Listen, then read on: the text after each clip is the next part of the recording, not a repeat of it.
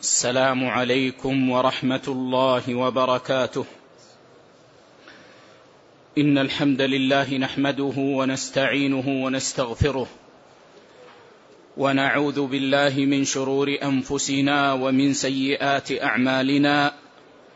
من يهد الله فلا مضل له ومن يضلل فلا هادي له. وأشهد أن لا إله إلا الله وحده لا شريك له وأشهد أن محمدا عبده ورسوله. يا أيها الذين آمنوا اتقوا الله حق تقاته ولا تموتن إلا وأنتم مسلمون. يا أيها الناس اتقوا ربكم الذي خلقكم من نفس واحدة وخلق منها زوجها وبث منهما رجالا كثيرا ونساء. واتقوا الله الذي تساءلون به والأرحام. إن الله كان عليكم رقيبا. يا أيها الذين آمنوا اتقوا الله وقولوا قولا سديدا. يصلح لكم أعمالكم ويغفر لكم ذنوبكم. ومن يطع الله ورسوله فقد فاز فوزا عظيما. أما بعد فإن أحسن الحديث كتاب الله وخير الهدي هدي محمد صلى الله عليه وسلم وشر الأمور محدثاتها وكل محدثة بدعة وكل بدعة ضلالة وكل ضلالة في النار. ثم أيها الفضلاء أوصيكم ونفسي بتقوى الله والحرص على طاعته سبحانه وتعالى فإن العمر مهما امتد قصير وإن فراق الدنيا قريب وإن الفائز منا من سابق إلى الخيرات واغتنم الأوقات وحرص على رضا رب الأرض والسماوات. وإننا لنرى الموت يتخطف الناس من حولنا شبابا وشيبا صغارا وكبارا علماء وعوام. ولا ندري متى يكون موعدنا. ومتى ننتقل إلى حفرنا. ولكن على يقين أن الموت قادم وأنا في فسحة الآن نستطيع أن نذكر الله وأن نعبد الله وأن نتوب إلى الله من ذنوبنا وأن نتقرب إلى الله برفع المظالم. والتخلص منها. فالله أنعم علينا بهذه الأوقات فالواجب علينا أن نغتنمها وأن نحرص على أن نعمرها بالخير وعلى أن نغسل الماضي غسلا بتوبة صادقة. ترضي الله عز وجل عنا وتمحى بها الذنوب فأسأل الله عز وجل أن يستعملني وإياكم في طاعته آمين. وأن يجعلني وإياكم رحمة على عباده المؤمنين آمين. مجاهدين في سبيله آمين. لإعلاء التوحيد والسنة آمين. والذب عن أهلها ولرد البدع وكشف أهلها. درسنا في هذا اليوم يوم الأحد في القواعد الفقهية في شرح كتاب نافع حوى فوائد جمة وقواعد عظيمة. فحوى من القواعد أجمعها ومن الفروق أنفعها. ألا وهو كتاب القواعد والأصول الجامعة والفروق والتقاسيم البديعة النافعة للشيخ المبارك الإمام المفسر الفقيه بقية السلف الشيخ عبد الرحمن بن ناصر بن سعدي السعدي رحمه الله. رحمة واسعة وأعلى درجته في الجنة. ونحن نشرح القواعد. ووقفنا عند بداية القاعدة الخامسة عشر. فيتفضل الشيخ ياسين وفقه الله والسامعين يقرأ لنا. الحمد لله رب العالمين والعاقبة للمتقين ولا عدوان إلا على الظالمين وأصلي وأسلم وأبارك على المبعوث رحمة للعالمين. يقول المصنف رحمة الله عليه القاعدة الخامسة عشر لا ضرر ولا ضرار. نعم هذه القاعدة أيها الإخوة من القواعد الخمس الكبرى التي اعتنى بها علماء الإسلام. وعدها بعض الأصوليين من الأدلة الكلية العامة التي يستدل بها على الأحكام. هذه القاعدة يحتاجها المسلمون جدا. ولو أن الناس ساروا على وفقها لاندفع الشر عن الناس. بعض العلماء يقول عن هذه القاعدة لا ضرر ولا ضرار. وبعض العلماء يقول عن هذه القاعدة الضرر يزال. والأفضل هو التعبير الأول لأنه من كلام النبي صلى الله عليه وسلم. فهذا اللفظ ورد في حديث آه، عن ابن عباس وعن أبي سعيد. رواه الإمام أحمد وابن ماجه ورواه مالك مرسلا وهو ما بين حسن أو صحيح وقد تلقته الأمة بالقبول وعملت به. لا ضرر ولا ضرار. هنا تجدون يا إخوة أن النبي صلى الله عليه وسلم نفى الضرر. مع أن نجد الضرر واقعا ونفى الضرار مع أن نجد الضرار واقعا. ولذا يقول العلماء هذا نفي يراد به النهي. هذا نفي يراد به النهي. وقول النبي صلى الله عليه وسلم لا ضرر ولا ضرار وجعله العلماء قاعدة فقهية. اختلف العلماء في تفسيره. فقال بعض أهل العلم الضرر والضرار بمعنى واحد. فتكون الجملة الثانية مؤكدة للجملة الأولى. وهذا ضعيف. وقال بعض أهل العلم الضرر الأول لا ضرر أي في الشرع. فكل الشرع نفع. لا ضرر فيه. كل ما أمرك الله به. فاعلم أن في فعله النفع. وكل ما نهاك الله عنه. فاعلم أن في تركه النفع. فمعنى لا ضرر أي في الشرع ولا ضرار أي بين المسلمين أو بين الناس. فلا ضرر أي فيما شرعه الله ولا ضرار أي بين الناس أو بين المسلمين أي أنه لا يجوز الضرار بين المسلمين.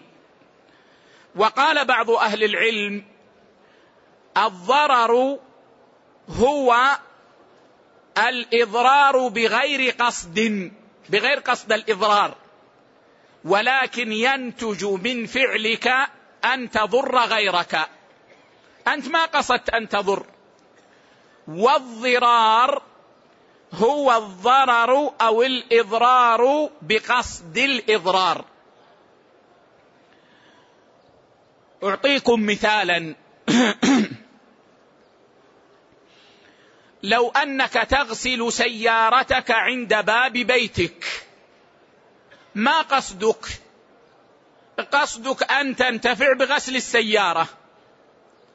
سال الماء إلى بيت الجار وأضر بمدخله أو أضر بشيء له. هذا ضرر لأن الضرر وقع من فعلك على الجار بدون قصد منك. وأما الضرار فهو الإضرار بقصد. جئت وأوقفت سيارتك أمام بيت جارك لتضر به. فأنت أوقفت السيارة أمام الباب باب الجار. لماذا لتنتفع؟ لا. ولكن لتضيق المدخل على جارك. جئت وفتحت الصنبور صنبور الماء وتركت الماء يسيل إلى خارج البيت بقصد أن تضر بجارك. هذا ضرار. وقال بعض أهل العلم الضرر أن تضر بجارك بما ينفعك. أن تضر بغيرك بما ينفعك. فتفعل ما فيه الضرر بقصد وعلم ولكن هذا ينفعك. مثال ذلك أن تفتح نافذة في بيتك تطل على فناء جارك. فأنت الآن تفتح النافذة وأنت تعرف أن فتح النافذة سيضر جارك. وتنتفع بفتح النافذة. والضرار أن تضر غيرك بما لا تنتفع به. يعني ليس فيه منفعة وإنما هو إضرار خالص. وقال بعض أهل العلم الضرر أن تبتدئ الإضرار. والضرار أن تقابل الإضرار بإضرار على غير وجه مأذون فيه. الضرر أن تبدأ أنت الضرر الإضرار. ما أضرك هذا؟ لكن تضره. جارك طيب. ما أضر بك لكن تأتي توقف السيارة أمام بيته. تبتدئ الإضرار أنت. هذا ضرر. الضرار أن تقابل الضرر بضرر على وجه غير مأذون فيه.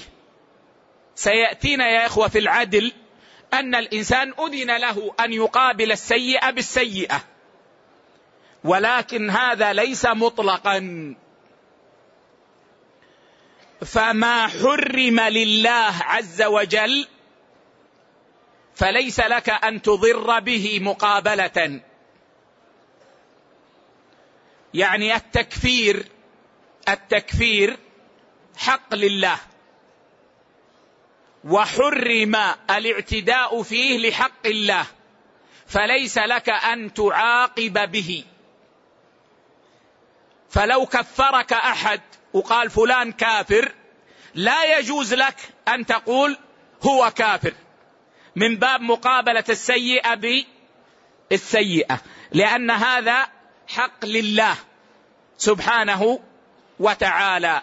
فإذا فعلت فهذا ضرار. لأنك قابلت الإضرار بإضرار لم يؤذن لك فيه. يعني حمان الله, حمان الله وإياكم.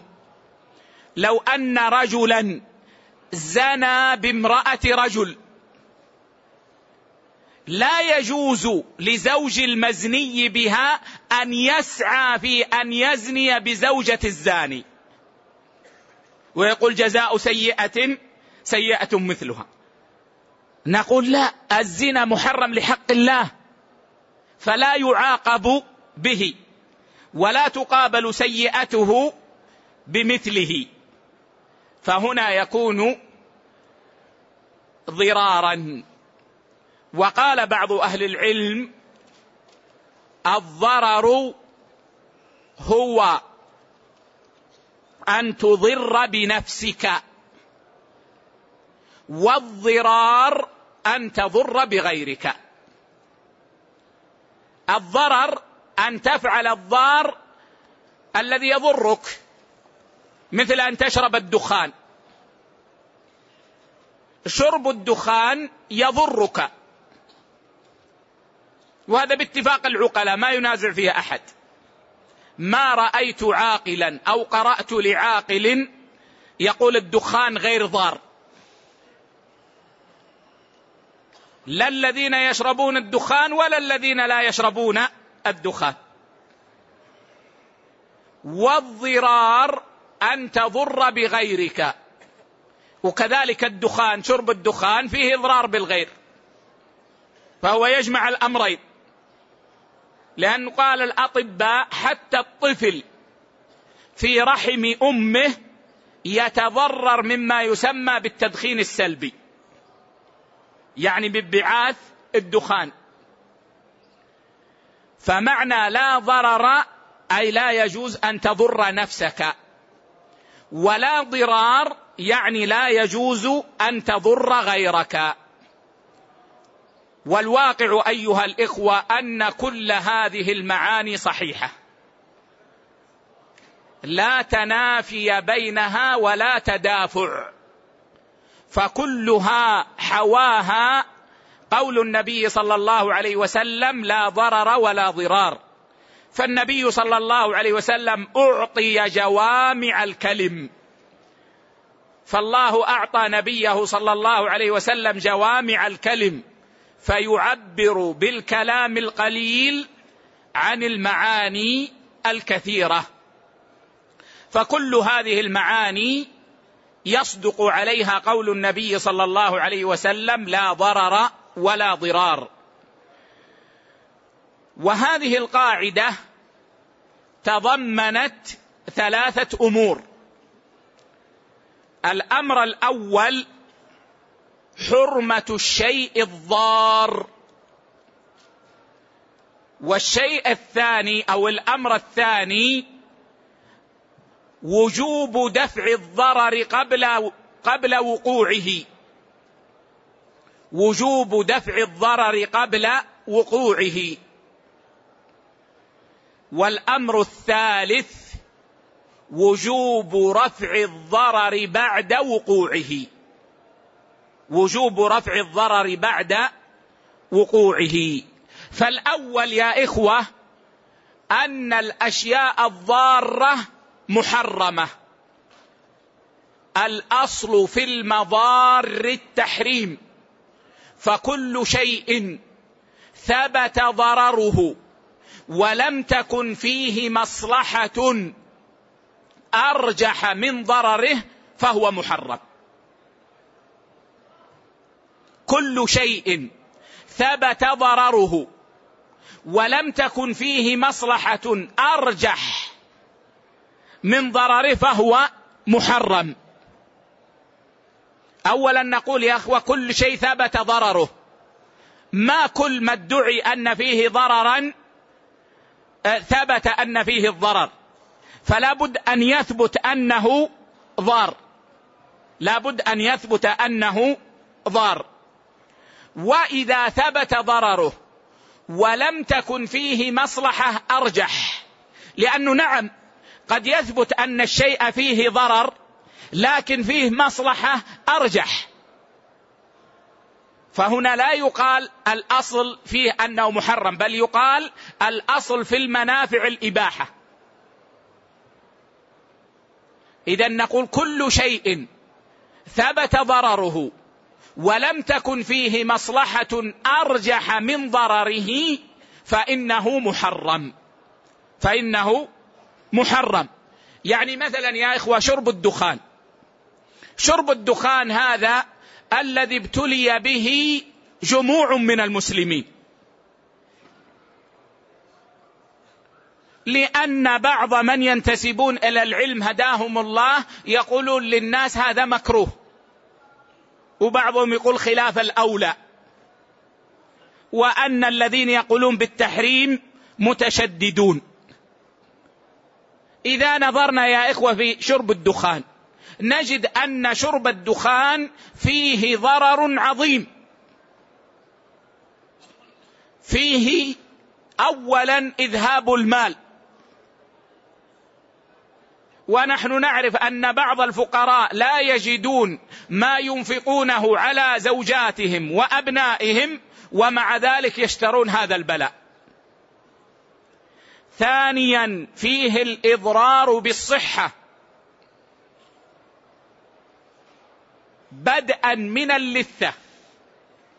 إلى الأسنان إلى اللسان إلى المريء إلى الرئة. وكل هذا ثابت بالأبحاث العلمية. وفيه الإضرار بغير المدخن. والمصلحة التي فيه ليست بشيء. ولذلك فالدخان الأصل فيه التحريم وأنه محرم. لكن يأتينا شخص يشرب الدخان يقول يا شيخ شرب القهوة أنتم تشربون قهوة. والقهوة فيها ضرر.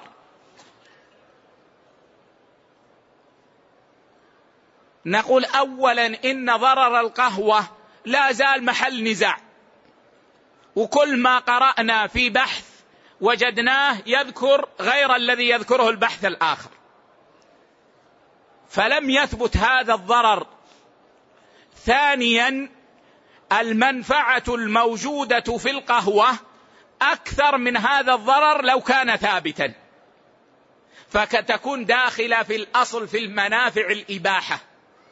وليست مثل شرب الدخان. ولذلك يقول الإمام الشوكاني رحمه الله في معنى كلامه فكل من أباح شيئا من الضرر فطالبه بالدليل.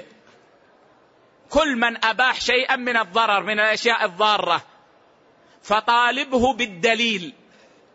وإلا فاضرب بهذا الحديث وجهه. ما هو الحديث؟ لا ضرر ولا ضرار. فإنه تشهد له كليات وجزئيات. يعني يقول استقرأنا الشريعة فوجدناها تحرم الضرر وبالتالي فالشيء الضار محرم لأن الشيء الضار يلزم منه وقوع الضرر. وأما الأمر الثاني فهو أنه يجب دفع الضرر ولا يجوز للمسلم أن يفعل ما يضر بالناس. سواء كانت له فيه منفعة أو لم تكن له فيه منفعة.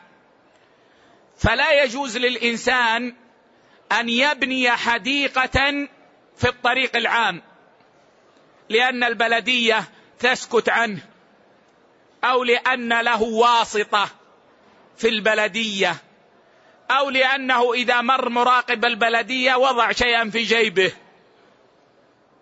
لا يجوز له أن ان أن أن ان, أن, أن يحدث هذه الحديقة في طريق المسلمين. لا يجوز له أن يضع ميزابا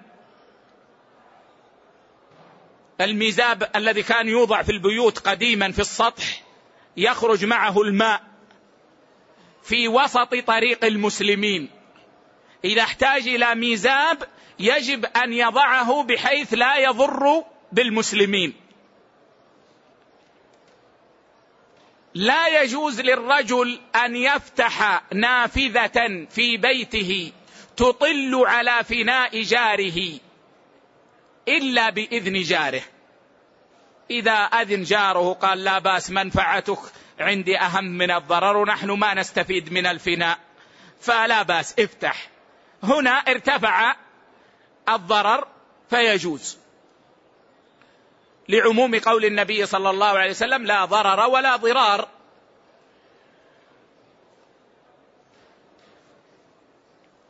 وأما الأمر الثالث وهو رفع الضرر فإنه لما كان الضرر محرما فإنه منكر. إذا وقع وجبت إزالته. إذا وقع وجبت إزالته. ولذلك يا إخوة يقول الفقهاء في قاعدة الضرر لا يكون قديما. الضرر لا يكون قديما. طبعا أنا مضطر الآن أن أذكر لكم قاعدة أخرى. قال فيها الفقهاء القديم يترك على قدمه. القديم يترك على قدمه. ما يغير. الشيء القديم الذي كان موجودا من سنين طويلة يترك على حاله. لكن قالوا الضرر لا يكون قديما. يعني حتى لو كان من خمسين سنة لكنه يضر بالناس تجب إزالته ولا يترك على قدمه. إنسان واضع ميزاب في بيته من ستين سنة وهذا الميزاب يضر بالناس. أتينا اليوم لنا ولاية على البلد وقلنا يجب أن تزيل هذا الميزاب لأنه يضر الناس في طريقهم. قال هذا الميزاب من قبل أن تولد موجود. والفقهاء يقولون القديم يترك على قدمه. نقول له الفقهاء يقولون الضرر لا يكون قديما. فما دام أنه ثبت ضرره وجب رفعه. فالضرر إذا وقع منكر تجب إزالته. هذا ما يحضرني فيما يتعلق بالمعنى العام للقاعدة ونقرأ ما سطره الشيخ ونعلق عليه. نعم. قال يرحمه الله وهذا لفظ قوله صلى الله عليه وعلى آله وسلم رواه أحمد وابن ماجه من حديث ابن عباس رضي الله عنهما. فالضرر نعم وروي عن أبي سعيد أيضا عن أبي سعيد الخدري. نعم. فالضرر منفي شرعا فلا يحل لمسلم أن يضر أخاه. ما دام أن الضرر منفي شرعا فإنه يحرم. فإنه يحرم. لأنه إذا نفي الشيء ولم يمكن أن يحمل النفي على الحقيقة لأنه موجود فإنه يحمل على المنع الشرعي. نعم. قال رحمه الله فلا يحل لمسلم أن يضر أخاه المسلم بقول أو فعل. نعم. المسلم من سلم المسلمون من لسانه ويده. هكذا قال النبي صلى الله عليه وسلم. فالمسلم يسلم المسلمون من لسانه فلا يضرهم بقول ويسلمون من يده فلا يضرهم بفعل. وهذا سواء كان فيما يتعلق بأنفسهم أو ما يتعلق بأموالهم أو ما يتعلق بأهليهم. وأهم من ذلك كله ما يتعلق بدينهم. فلا يجوز للمسلم أن يضر المسلمين في دينهم.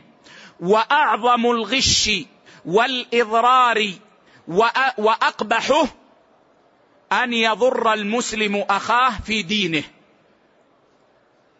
إما بأن يدله على الشر ويقول لا لا يا أخي العلماء قالوا هذا حلال. وهو جاهل ما يعرف. بعض الناس مساكين ما يعرف الأحكام. ويأتي إلى أخيه إلى جاره يقول افعلوا في ذمتي إنه حلال. طيب يا أخي أنت ما تعرف. أنت تدخل الضرر على أخيك وعلى نفسك. أو كان داعية أو طالب علم أو عالما لا يتحرى ما يقول. ويغش الناس بدون تحقيق ما يحقق. فإن هذا حرام. كون الناس يسمعون لك ويجلونك ويقدرونك لا يبيح لك أن تقول ما تشاء. وإنما الواجب أن تحقق وتدقق وتراجع وتحاسب نفسك أعظم من محاسبة التاجر الشحيح لعماله. أنا وأنتم يا طلاب العلم ينبغي أن ننتبه إلى هذا الأمر العظيم. وإذا علمنا شيئا لا نقول غيره لأن غيرنا قال غيره. لأن الله سيسألنا عن علمنا.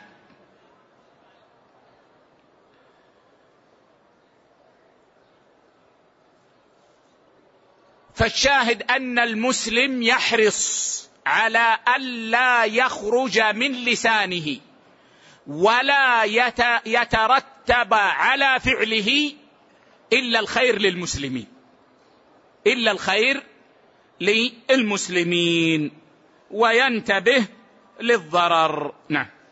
قال يرحمه الله فلا يحل لمسلم أن يضر أخاه المسلم بقول أو فعل أو سبب بغير حق. أو سبب.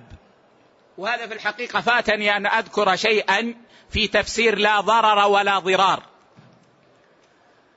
لأن بعض أهل العلم وإن كان هذا غير مشهور قالوا معنى لا ضرر أي لا توقع الضرر. لا تفعل الضرر. ولا ضرار أي لا تتسبب فيما يضر. يعني أنت هنا لا تفعل الضرر لكن تفعل شيئا هو سبب للضرر. ولذلك الشيخ هنا قال أو سبب. أن يفعل المسلم سببا ليس ضررا بذاته لكنه يؤدي إلى الضرر. بغير حق يعني بغير إذن شرعي. بغير إذن شرعي. نعم. قال رحمه الله وسواء كان له في ذلك نوع منفعة أم لا وهذا عام في كل أحد. عام في كل أحد. أنه يحرم الإضرار ويحرم الإفساد. نعم.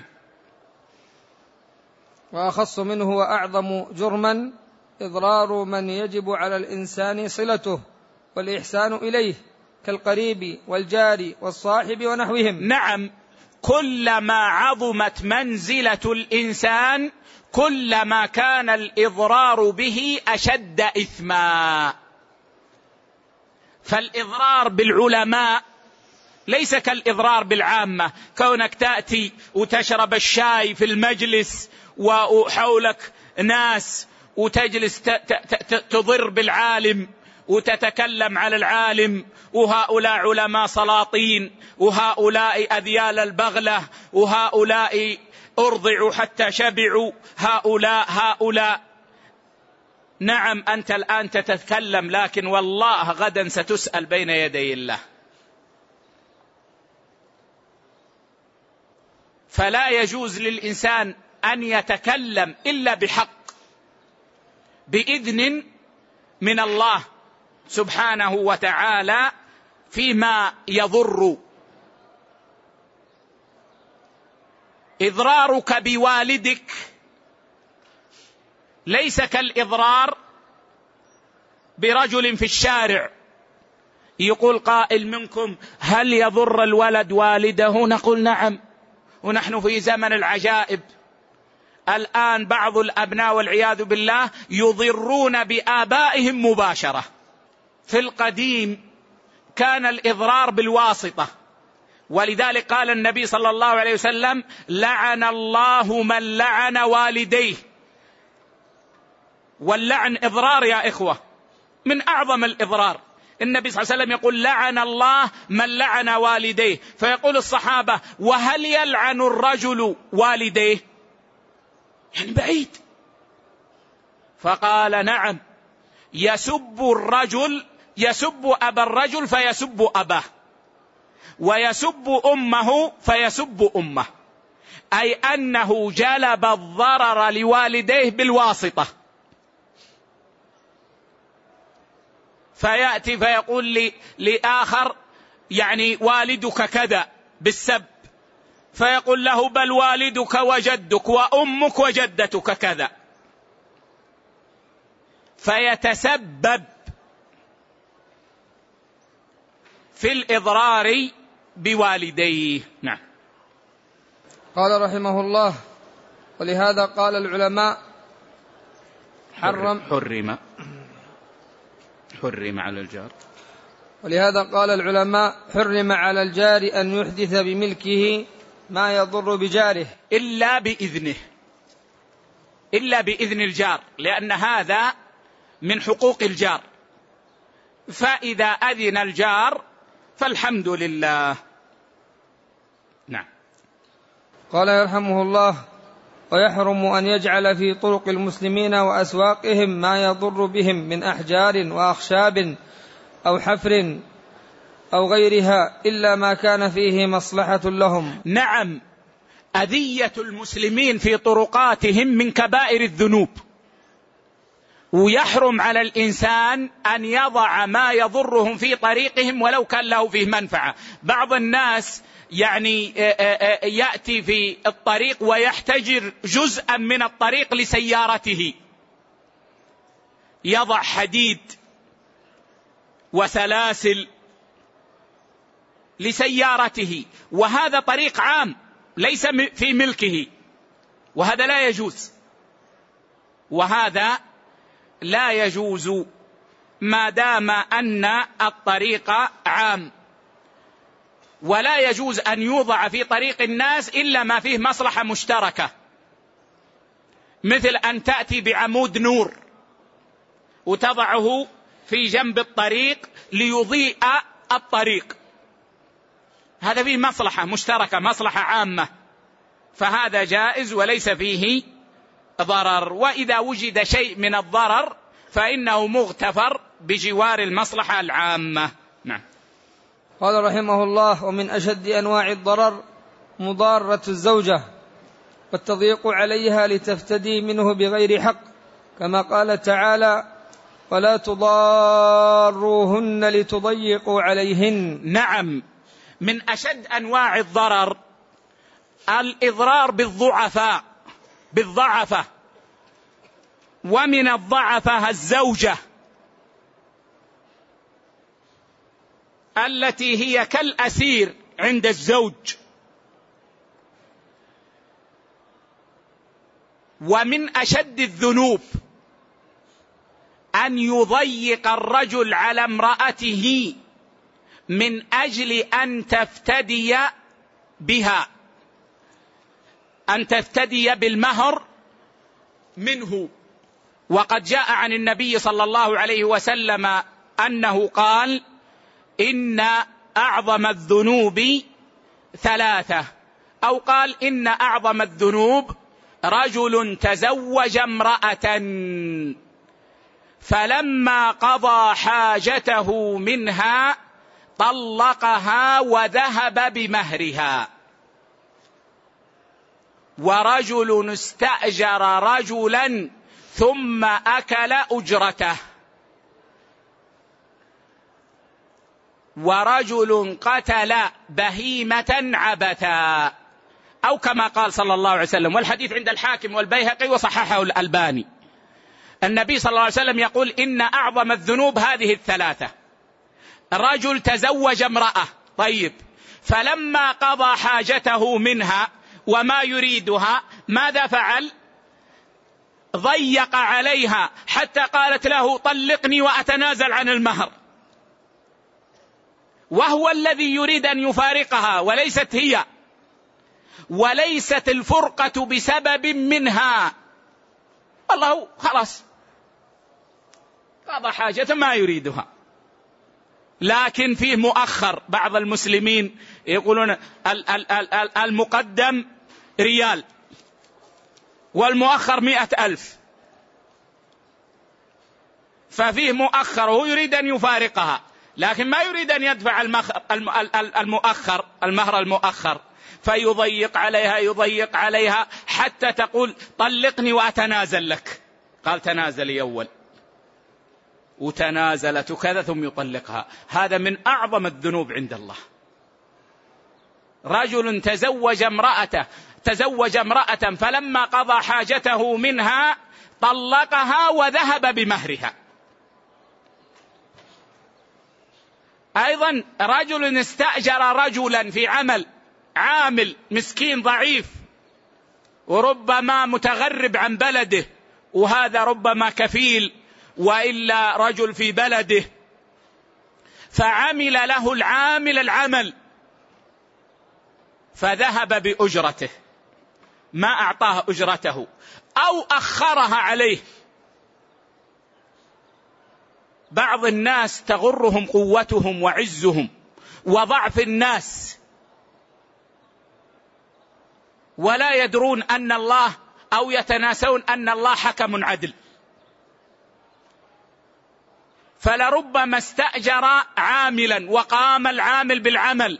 بعد ما انتهى قال له اذهب. قال أجرتي. قال أقول لك اذهب. أنا ضابط في الجوازات. والله إن ما ذهبت آخذ الإقامة وأسفرك. أو يقول له خلاص بعد شهر تعال. هذا من أعظم الذنوب. ورجل قتل بهيمة عبثا. مثل ما نرى الآن بعض الناس يعبثون يتسلون بقتل القطط أو بقتل الطيور من باب العبث.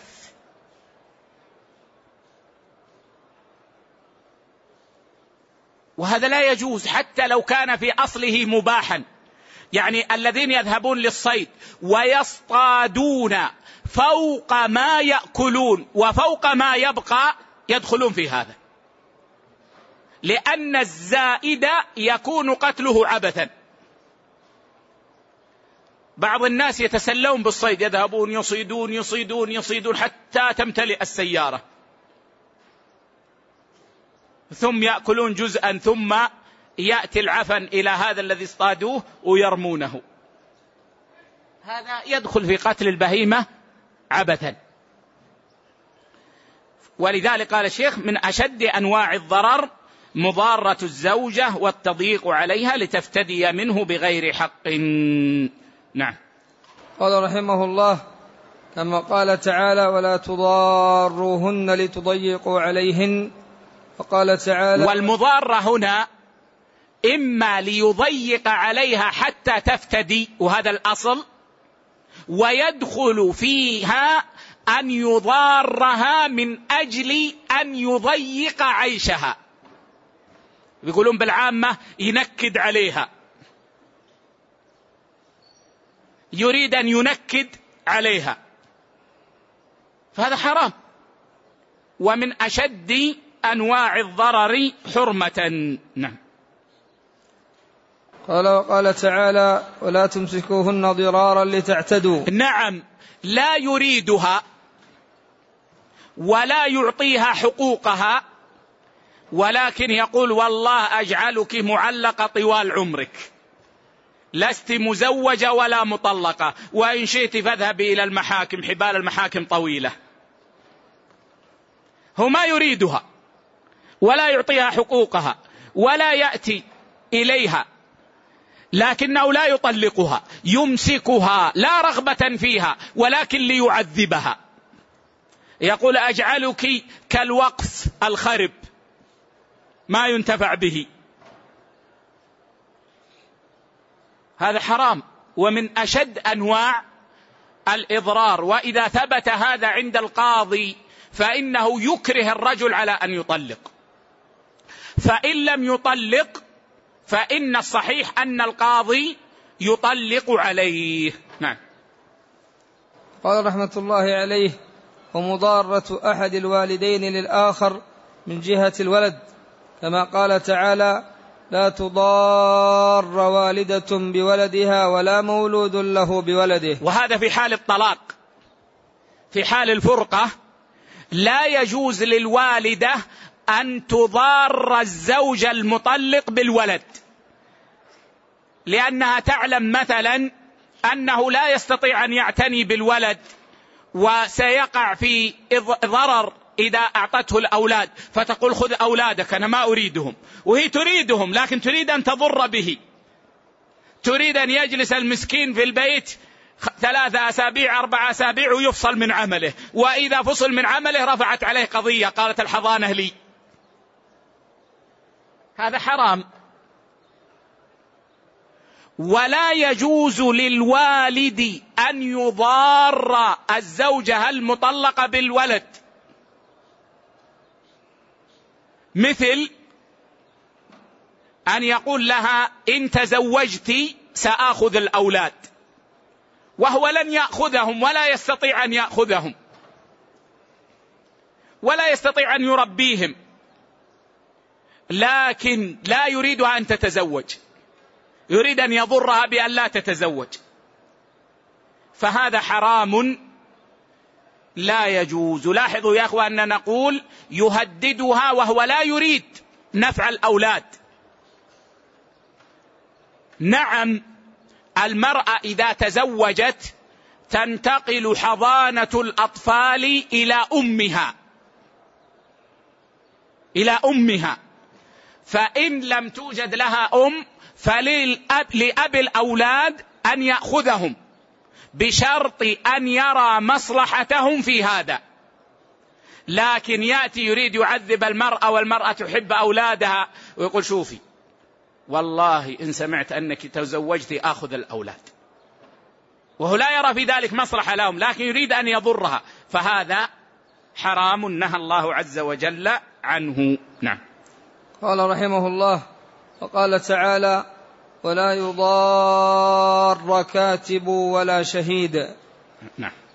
قال يحتمل أن الفعل مبني للفاعل فيكون الكاتب والشهيد منهيين عن مضارتهما لصاحب الحق بأي ضرر يكون. ويحتمل أن نعم. يحتمل أن الفعل مبني للفاعل. أي أن الكاتب هنا هو فاعل الضرر. فيكون المعنى لا يضارر كاتب لا يضارر نفك الشدة هنا ليظهر المعنى لا يضارر كاتب فيكون الكاتب هو الفعل لا يضارر كاتب ولا شهيد فيحرم على الكاتب ان يدخل الضرر على صاحب الحق بأن يكتب خلاف الحق. قد يكون صاحب الحق أمي لا يستطيع القراءة فالكاتب يريد أن يضره أو يريد أن ينفع صاحب الحق. فيكتب أكثر مما هو عليه. أقرضه صاحب الحق أقرض هذا الرجل عشر آلاف. أقرض هذا الرجل الأمي عشر آلاف. فيكتب الكاتب أقر أنا فلان أن أني اقترضت من فلان خمسين ألف. ورهنت بيتي عنده. وهذا ما كان في الاتفاق.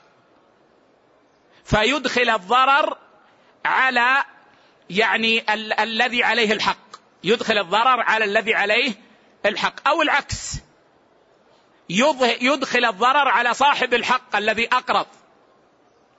فيكون صاحب الحق لا يستطيع القراءة فيكتب أقر أني اقترضت خمسة آلاف والحقيقة أن المقترض اقترض عشرة آلاف. أو يأبى أن يأتي ليقر أن هذا الخط خطه في المحكمة. وكذلك الشاهد. يكون هو المثبت للحق فيأبى أن يشهد. ويضيع الحق بسبب عدم شهادته. فهذا محرم. نعم. قال رحمه الله ومن ذلك إضرار لا لا ويحتمل. ويحتمل أن يكون مبنيا للمجهول فيكون صاحب الحق منهيا عن مضارته لأحدهما وكل ذلك صحيح. فيكون المعنى لا يضارر كاتب. لا يضارر. فيصبح ال ال ال ال هنا الذي يدخل الضرر مجهولا. والكاتب هو الذي يدخل عليه الضرر. أي لا يدخل صاحب الحق الضرر على الكاتب والشهيد. بأن يدعوهما إلى الشهادة في وقت يضرهما. أو نحو ذلك. نعم. قال رحمه الله. وكل ذلك صحيح على ترجيح الشيخ ابن سعدي. وإن كان بعض المفسرين رجح الأول ومنهم بن جرير الطبري. نعم. قال رحمه الله. ومن ذلك إضرار المورث لبعض ورثته. نعم. إضرار المورث لبعض ورثته. كأن يوصي ببعض المال لغريب ليدخل الضرر على الورثة. هو ما يريد التقرب إلى الله بالوصية لا. قصده أن يضر الورثة. هو مثلا ما يرثه إلا أبناء عمومته. لا يرثه إلا أبناء عمومته وهو لا يحبهم. وهو عنده أموال.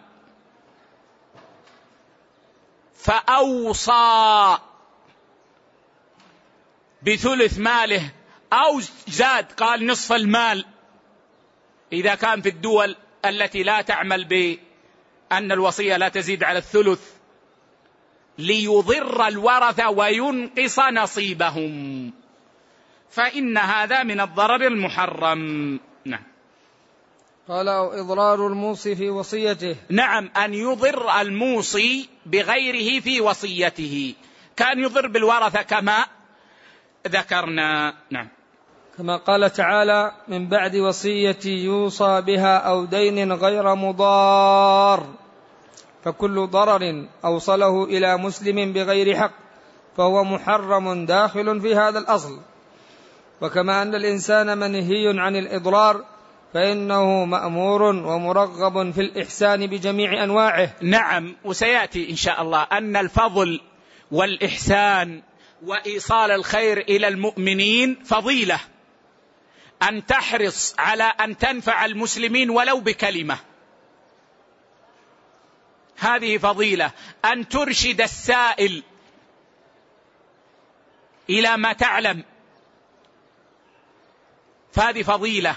أن ترى أحد إخوانك يصلي خطأ فبعد ما يصلي تسلم عليه وتقول يا أخي رأيتك تصلي والذي أعرفه من الأحاديث وكلام العلماء أن فعلك كذا خطأ. فإن شئت فاكتفيت بهذا وإن شئت نذهب للشيخ نسأله أو أتصل لك بالشيخ الآن نسأله أو نحو ذلك. هذه فضيلة وإحسان وخير. أن تنشر الخير وتوصل الخير للمؤمنين. فكما أن المسلم من سلم المسلمون من لسانه ويده فإنه لا يؤمن أحدكم حتى يحب لأخيه ما يحب لنفسه. فكما تحب الخير لنفسك فإنك تحب الخير للمؤمنين. نعم. قال يرحمه الله كما قال تعالى وأحسنوا إن الله يحب المحسنين. وقال النبي صلى الله عليه وعلى آله وسلم إن الله كتب الإحسان على كل شيء فإذا قتلتم فأحسنوا القتلة وإذا ذبحتم فأحسنوا الذبحة وليحد أحدكم شفرته وليرح ذبيحته. رواه مسلم من حديث شداد بن أوس فأمر صلى الله عليه وعلى آله وسلم بالإحسان حتى في إزهاق النفوس. وهذا حديث عظيم لأنه عام شامل. إن الله كتب الإحسان على كل شيء. فالمطلوب الإحسان ما وجدنا له سبيلا. فإذا قتلتم فأحسنوا القتلة. إلا إذا كان ذلك من باب القصاص. فإن الصحيح من أقوال أهل العلم أن القاتل يقتل بمثل ما قتل به إلا النار. يعني لو أن شخصا أحرق انسانا أحرق مسلما حتى مات لا نحرقه. لكن إذا قتله بحجر فإنه يجوز لنا أن نقتله بحجر. إذا رض رأسه بحجر يجوز لنا أن نرد رأسه بحجر. إذا قتله بأن أدخل صيخا في عينه حتى اخترق رأسه يجوز أن نقتله بأن ندخل صيخا حديدة في عينه حتى تخترق رأسه. يجوز. وأما ما عدا ذلك فإن الإحسان لا بد منه في القتلة وفي الذبح. حتى ذكر أهل العلم أن من الإحسان أن لا يذبح الذبيحة وأختها تنظر إليها. يعني يخفيها عن أختها. لأن يا إخوة دلت الأحاديث على أن الحيوانات تتألم. دلت الأحاديث على أن أم الطير تفجع في طيرها. وتتألم إذا أخذ فراخها. والبقر يتألم إذا ركب عليه لأنه ما خلق لهذا. والبعير يبكي وتنحدر دموعه. يشتكي للرسول صلى الله عليه وسلم ممن ظلمه. فلذلك نص الفقهاء وإن لم يرد بذلك حديث صحيح على أنه من إحسان الذبح أن لا تذبح الذبيحة وأختها تنظر إليها. وهذا يا إخوة يدلنا على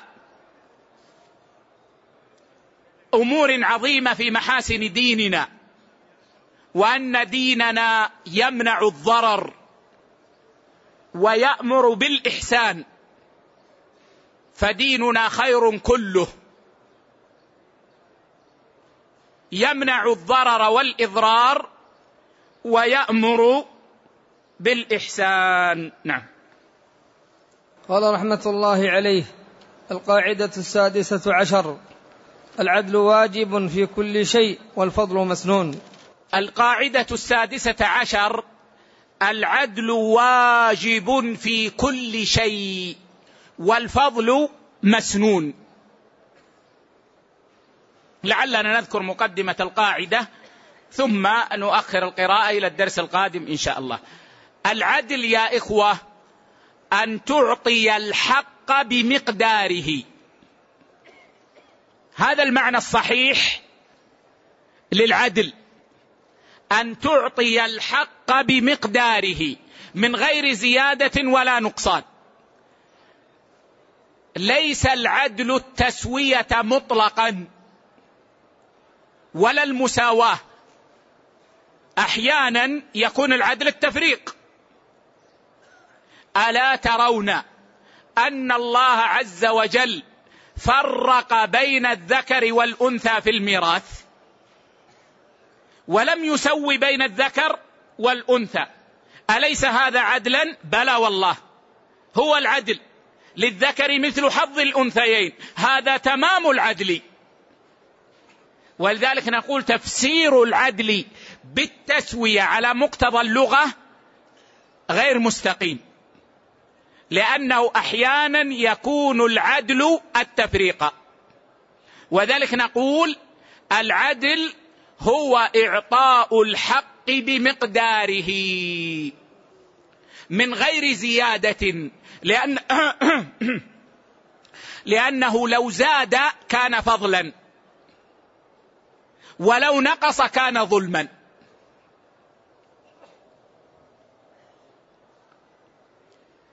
يعني يا إخوة رجل متزوج بامرأتين.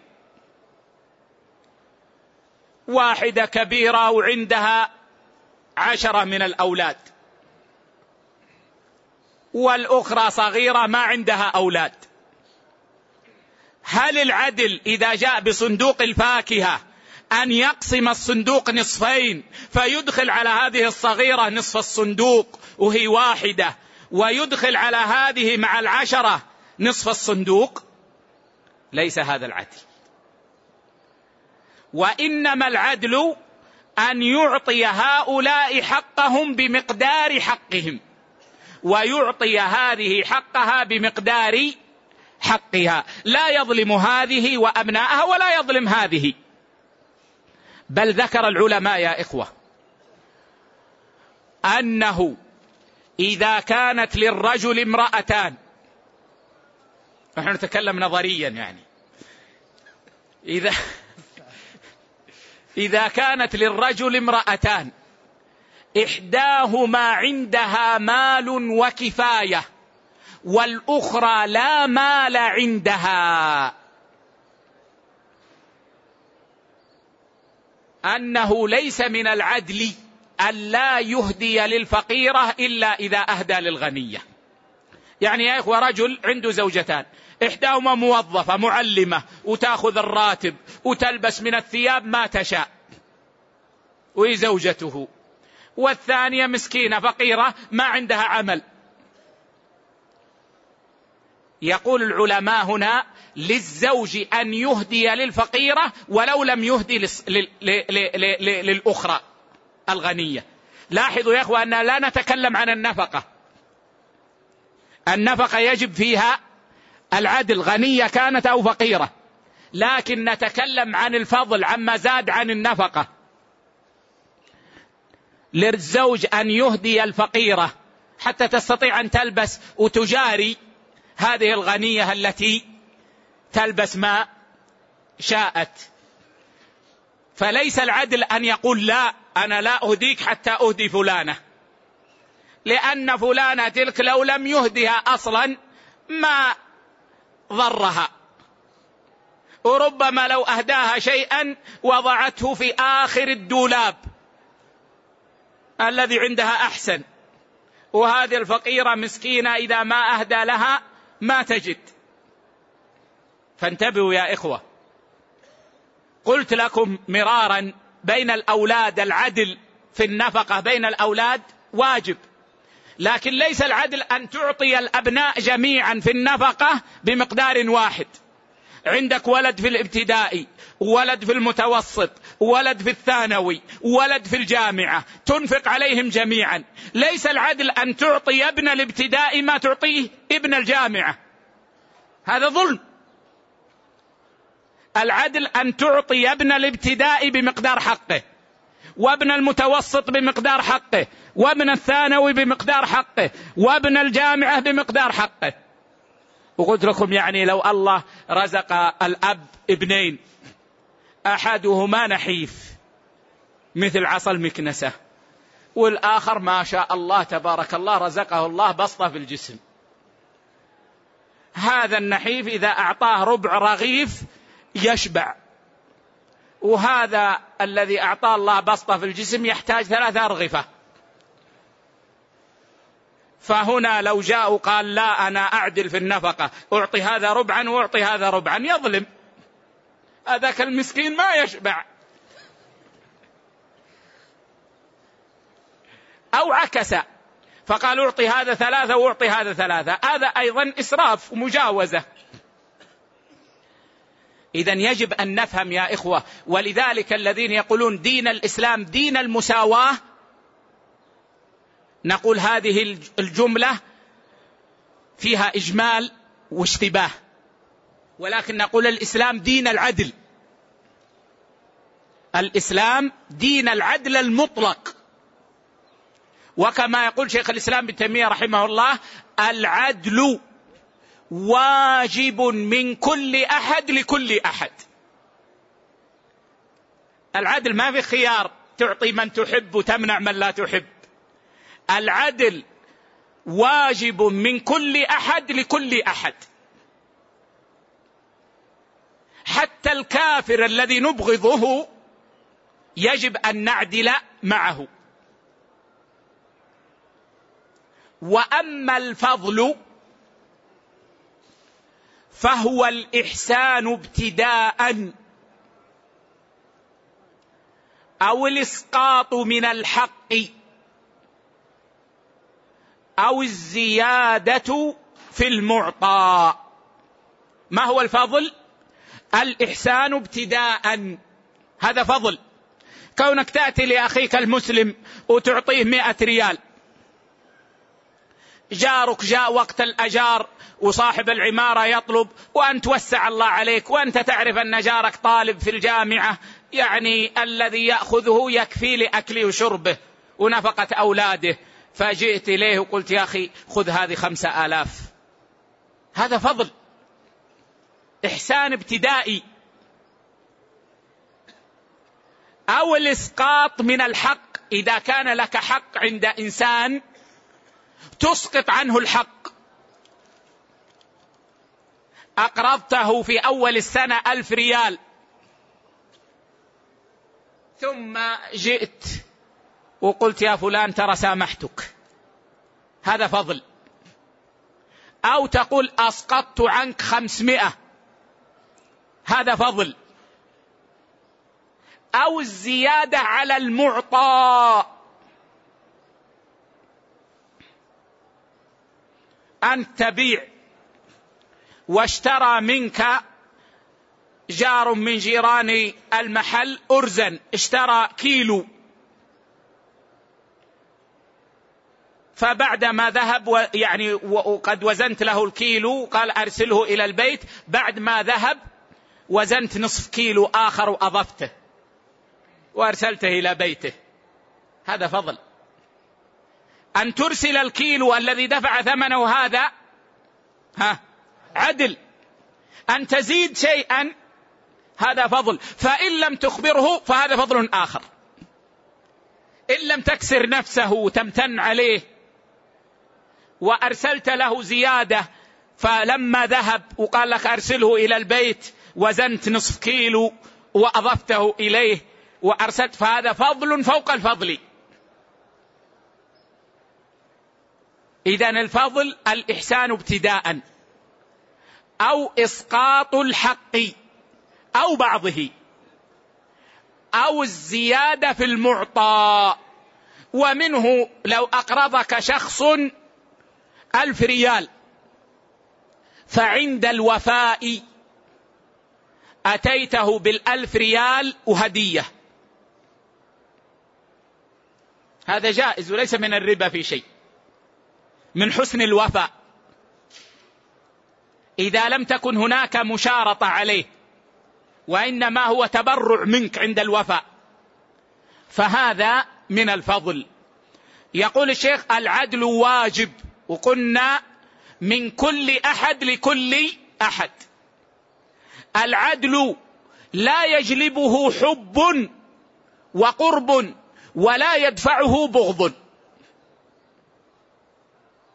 ما يجوز أن تظلم لأنك تبغض. يجب أن تعدل. مع موافقنا مع مخالفنا مع المسلم مع الكافر يجب أن نعدل. كما سيأتي إن شاء الله في التعليق على كلام الشيخ. والفضل مسنون كمال. يثاب عليه الإنسان ولا يلام على تركه. كون الإنسان يلزم العدل لا يلام.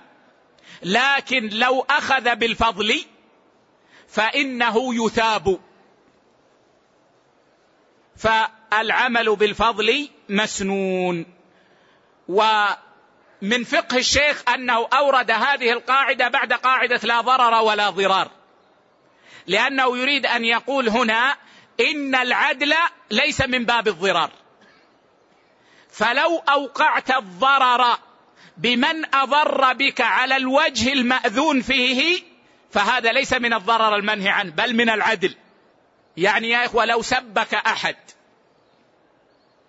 فسببته بمثل ما سبك هذا عدل. من يتحمل الإثم؟ الساب الأول. أنت ما تتحمل إثما. ما دام أنك سببته بمثل ما سبك ولم تعتدي. لكن إن زدت فقد انتقلت من العدل إلى الظلم فتتحمل الإثم. وهذا سيأتي إن شاء الله وفي الحديث الصحيح في صحيح مسلم. لعلنا نقف هنا لنجيب عن شيء من أسئلة إخواننا. وتعلمون أن لا نجلس غدا يوم الاثنين وسنجلس الثلاثاء إن شاء الله على شرح صحيح الترغيب والترهيب. يا إخوة بالنسبة لطلاب العلم الذين يلتزمون الدرس معنا دائما إذا لم يكونوا مسجلين عندي في المجموعات التي يعرفها الإخوة في الواتساب أرجو أن يسجلوا لأن هذا سيكون مرجعا لي في إعطاء الشهادة بحضور الدرس. نحن إذا انتهينا إن شاء الله من القواعد والأصول الجامعة سنعطي الإخوة المواظبين على الدرس الذين لا ينقطعون آه، إلا لعذر. سنعطيهم إن شاء الله شهادة بأنهم حضروا معنا شرح كتاب كذا وذلك فيه مصالح للإخوة. ونحن فتحنا مجموعات للإخوة فالإخوة المواظبون على الدرس آه، يعني ليتهم يعني يطلبون إضافتهم حتى آه، يعني يكون ذلك مرجعا لي إن شاء الله عند إعطاء الشهادات. نعم. جزاكم الله خيرا وبارك فيكم ورفع قدركم في الدارين ونفعنا بما قلتم وغفر الله لنا ولكم وللمؤمنين. آمين. أحسن الله إليكم يقول إمام يزور أوراق لكي يتحصل على راتب ثاني من طرف الحكومة. هل يبقى إمام أو لا؟ التزوير من كبائر الذنوب. وكبائر الذنوب تذهب العدالة. ومن شرط الإمام العدالة. فإذا عرف بهذا فإنه ينبغي أن يعزل عن الإمامة إلا إن تاب وحسنت توبته في الظاهر. فإنه يقبل منه الرجوع. لكن إذا لم يوجد إلا هو ما يوجد إلا هذا المسجد في القرية وهو إمام المسجد. هل نترك الصلاة من أجل أنه مزور؟ لا ولا من أجل أنه مبتدع. ترك الصلاة مع الجماعة لكون الإمام مبتدعا بدعة غير مكفرة أو فاسقا بدعة.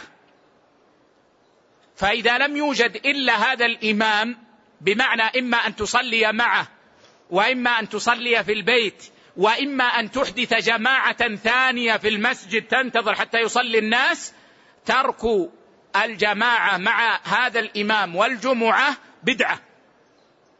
ولا يجوز بل نصلي مع الإمام. فصلاة الجماعة لا بد منها.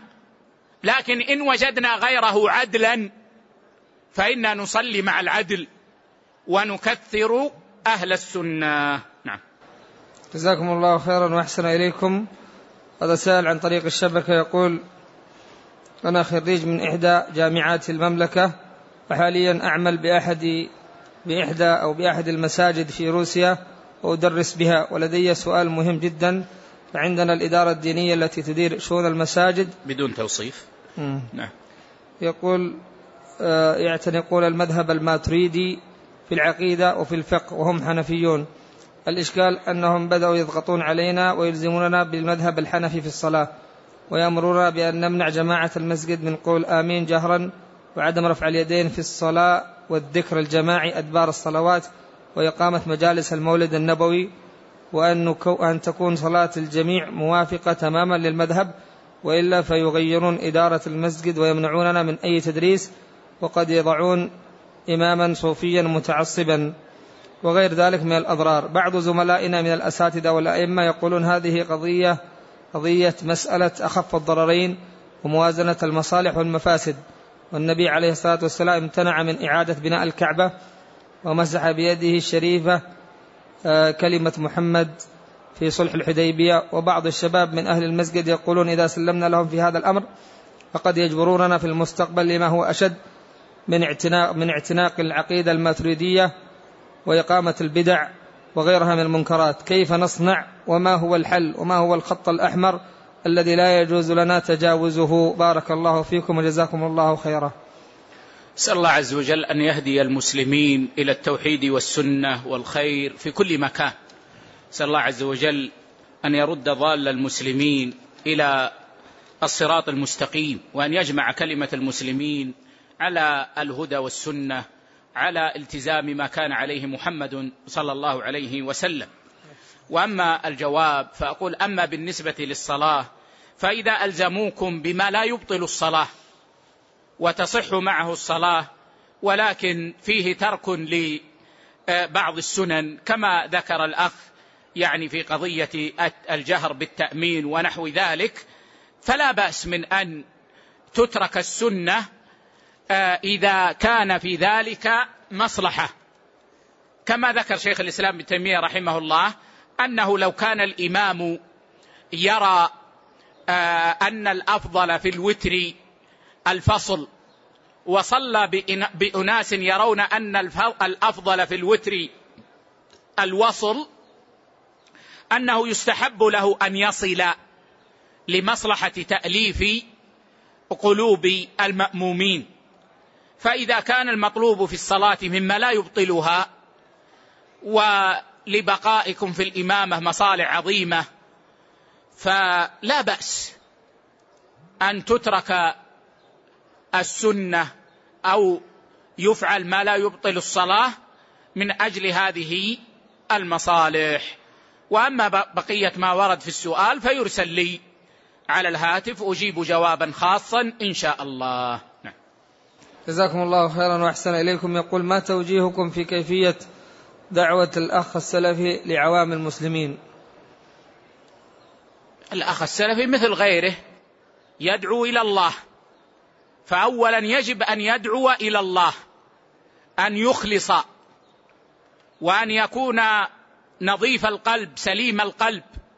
لا يريد شهرة ولا يريد جماهيرية ولا يريد مدحا ولا ثناء وإنما يريد أن يرضي الله عز وجل بنفع المسلمين. فلا بد في الداعية من أن يدعو إلى الله. لا يجوز أن يدعو إلى نفسه من أجل الجماهيرية ونحو ذلك ولا إلى جماعة ولا حزب. فبعض الناس يتخذون الدعوة وسيلة لتجميع الناس على الأحزاب والجماعات. وهذه ليست دعوة إلى الله هذه دعوة إلى الجماعة ودعوة إلى الحزب. فأول أمر أن يدعو إلى الله. وثاني أمر أن يكون على بصيرة في دعوته. والبصيرة ما جاء في كتاب الله وما جاء في سنة رسول الله صلى الله عليه وسلم. لا يخترع أمورا جديدة تخالف ما في كتاب الله وما في سنة رسول الله صلى الله عليه وسلم. ورأس ذلك أن يدعو إلى التوحيد. ولا سلفية بلا توحيد وتعظيم للتوحيد وتقديم للتوحيد. فالتوحيد اولا فيحرص العبد على أن يدعو عباد الله إلى توحيد الله. فتوحيد الله أعظم حق وصف وأشرف فرض عرف. لا حق أعظم منه ولا حق فوقه. لا يكون الإنسان في خير إلا إذا أتى به. فيبدأ بالدعوة إلى التوحيد. والدعوة إلى الرجوع إلى ما كان عليه صحابة رسول الله صلى الله عليه وسلم بالتي هي أحسن. والأمر الثالث أن تكون دعوته بالحكمة. أن يكون مقربا لا مباعدا. فيدعو إلى الحق بالحق. ويحرص على الرفق. ما كان للرفق سبيل. فإن الرفق ما كان في شيء إلا زانه. وإذا اقتضى الشرع منه التعنيف صبر وعنف. لأن هذا هو أمر الله. وهو يدور مع أمر الله حيث دار. يسلم لأمر الله. لا يقول أنا أتبع الرفق وإن اقتضى الشرع التعنيف. لأن هذا يخالف شرع الله. ولا يسلك طريق التعنيف مع وجود طريق الرفق. وعدم تعين التعنيف. والأمر الخامس أن يتألف الناس بحقوقه. فيكون طيب الجيرة.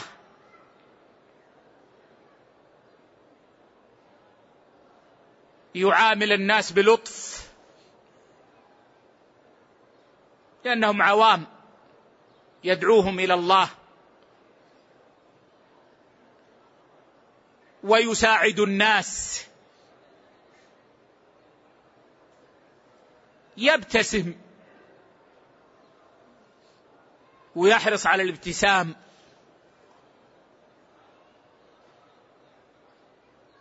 جاءني زائر. وقال يا شيخ والله عندنا شباب ما شاء الله فيهم خير.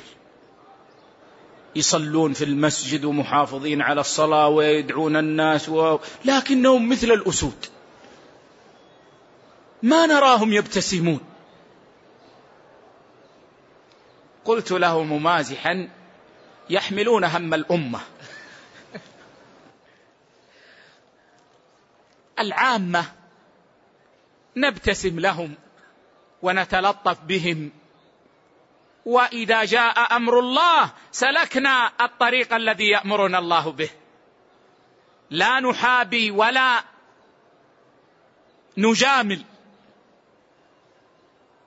لكن ما دمنا مع العوام وندعو العوام نعاملهم باللطف نبتسم لهم نساعدهم نعينهم.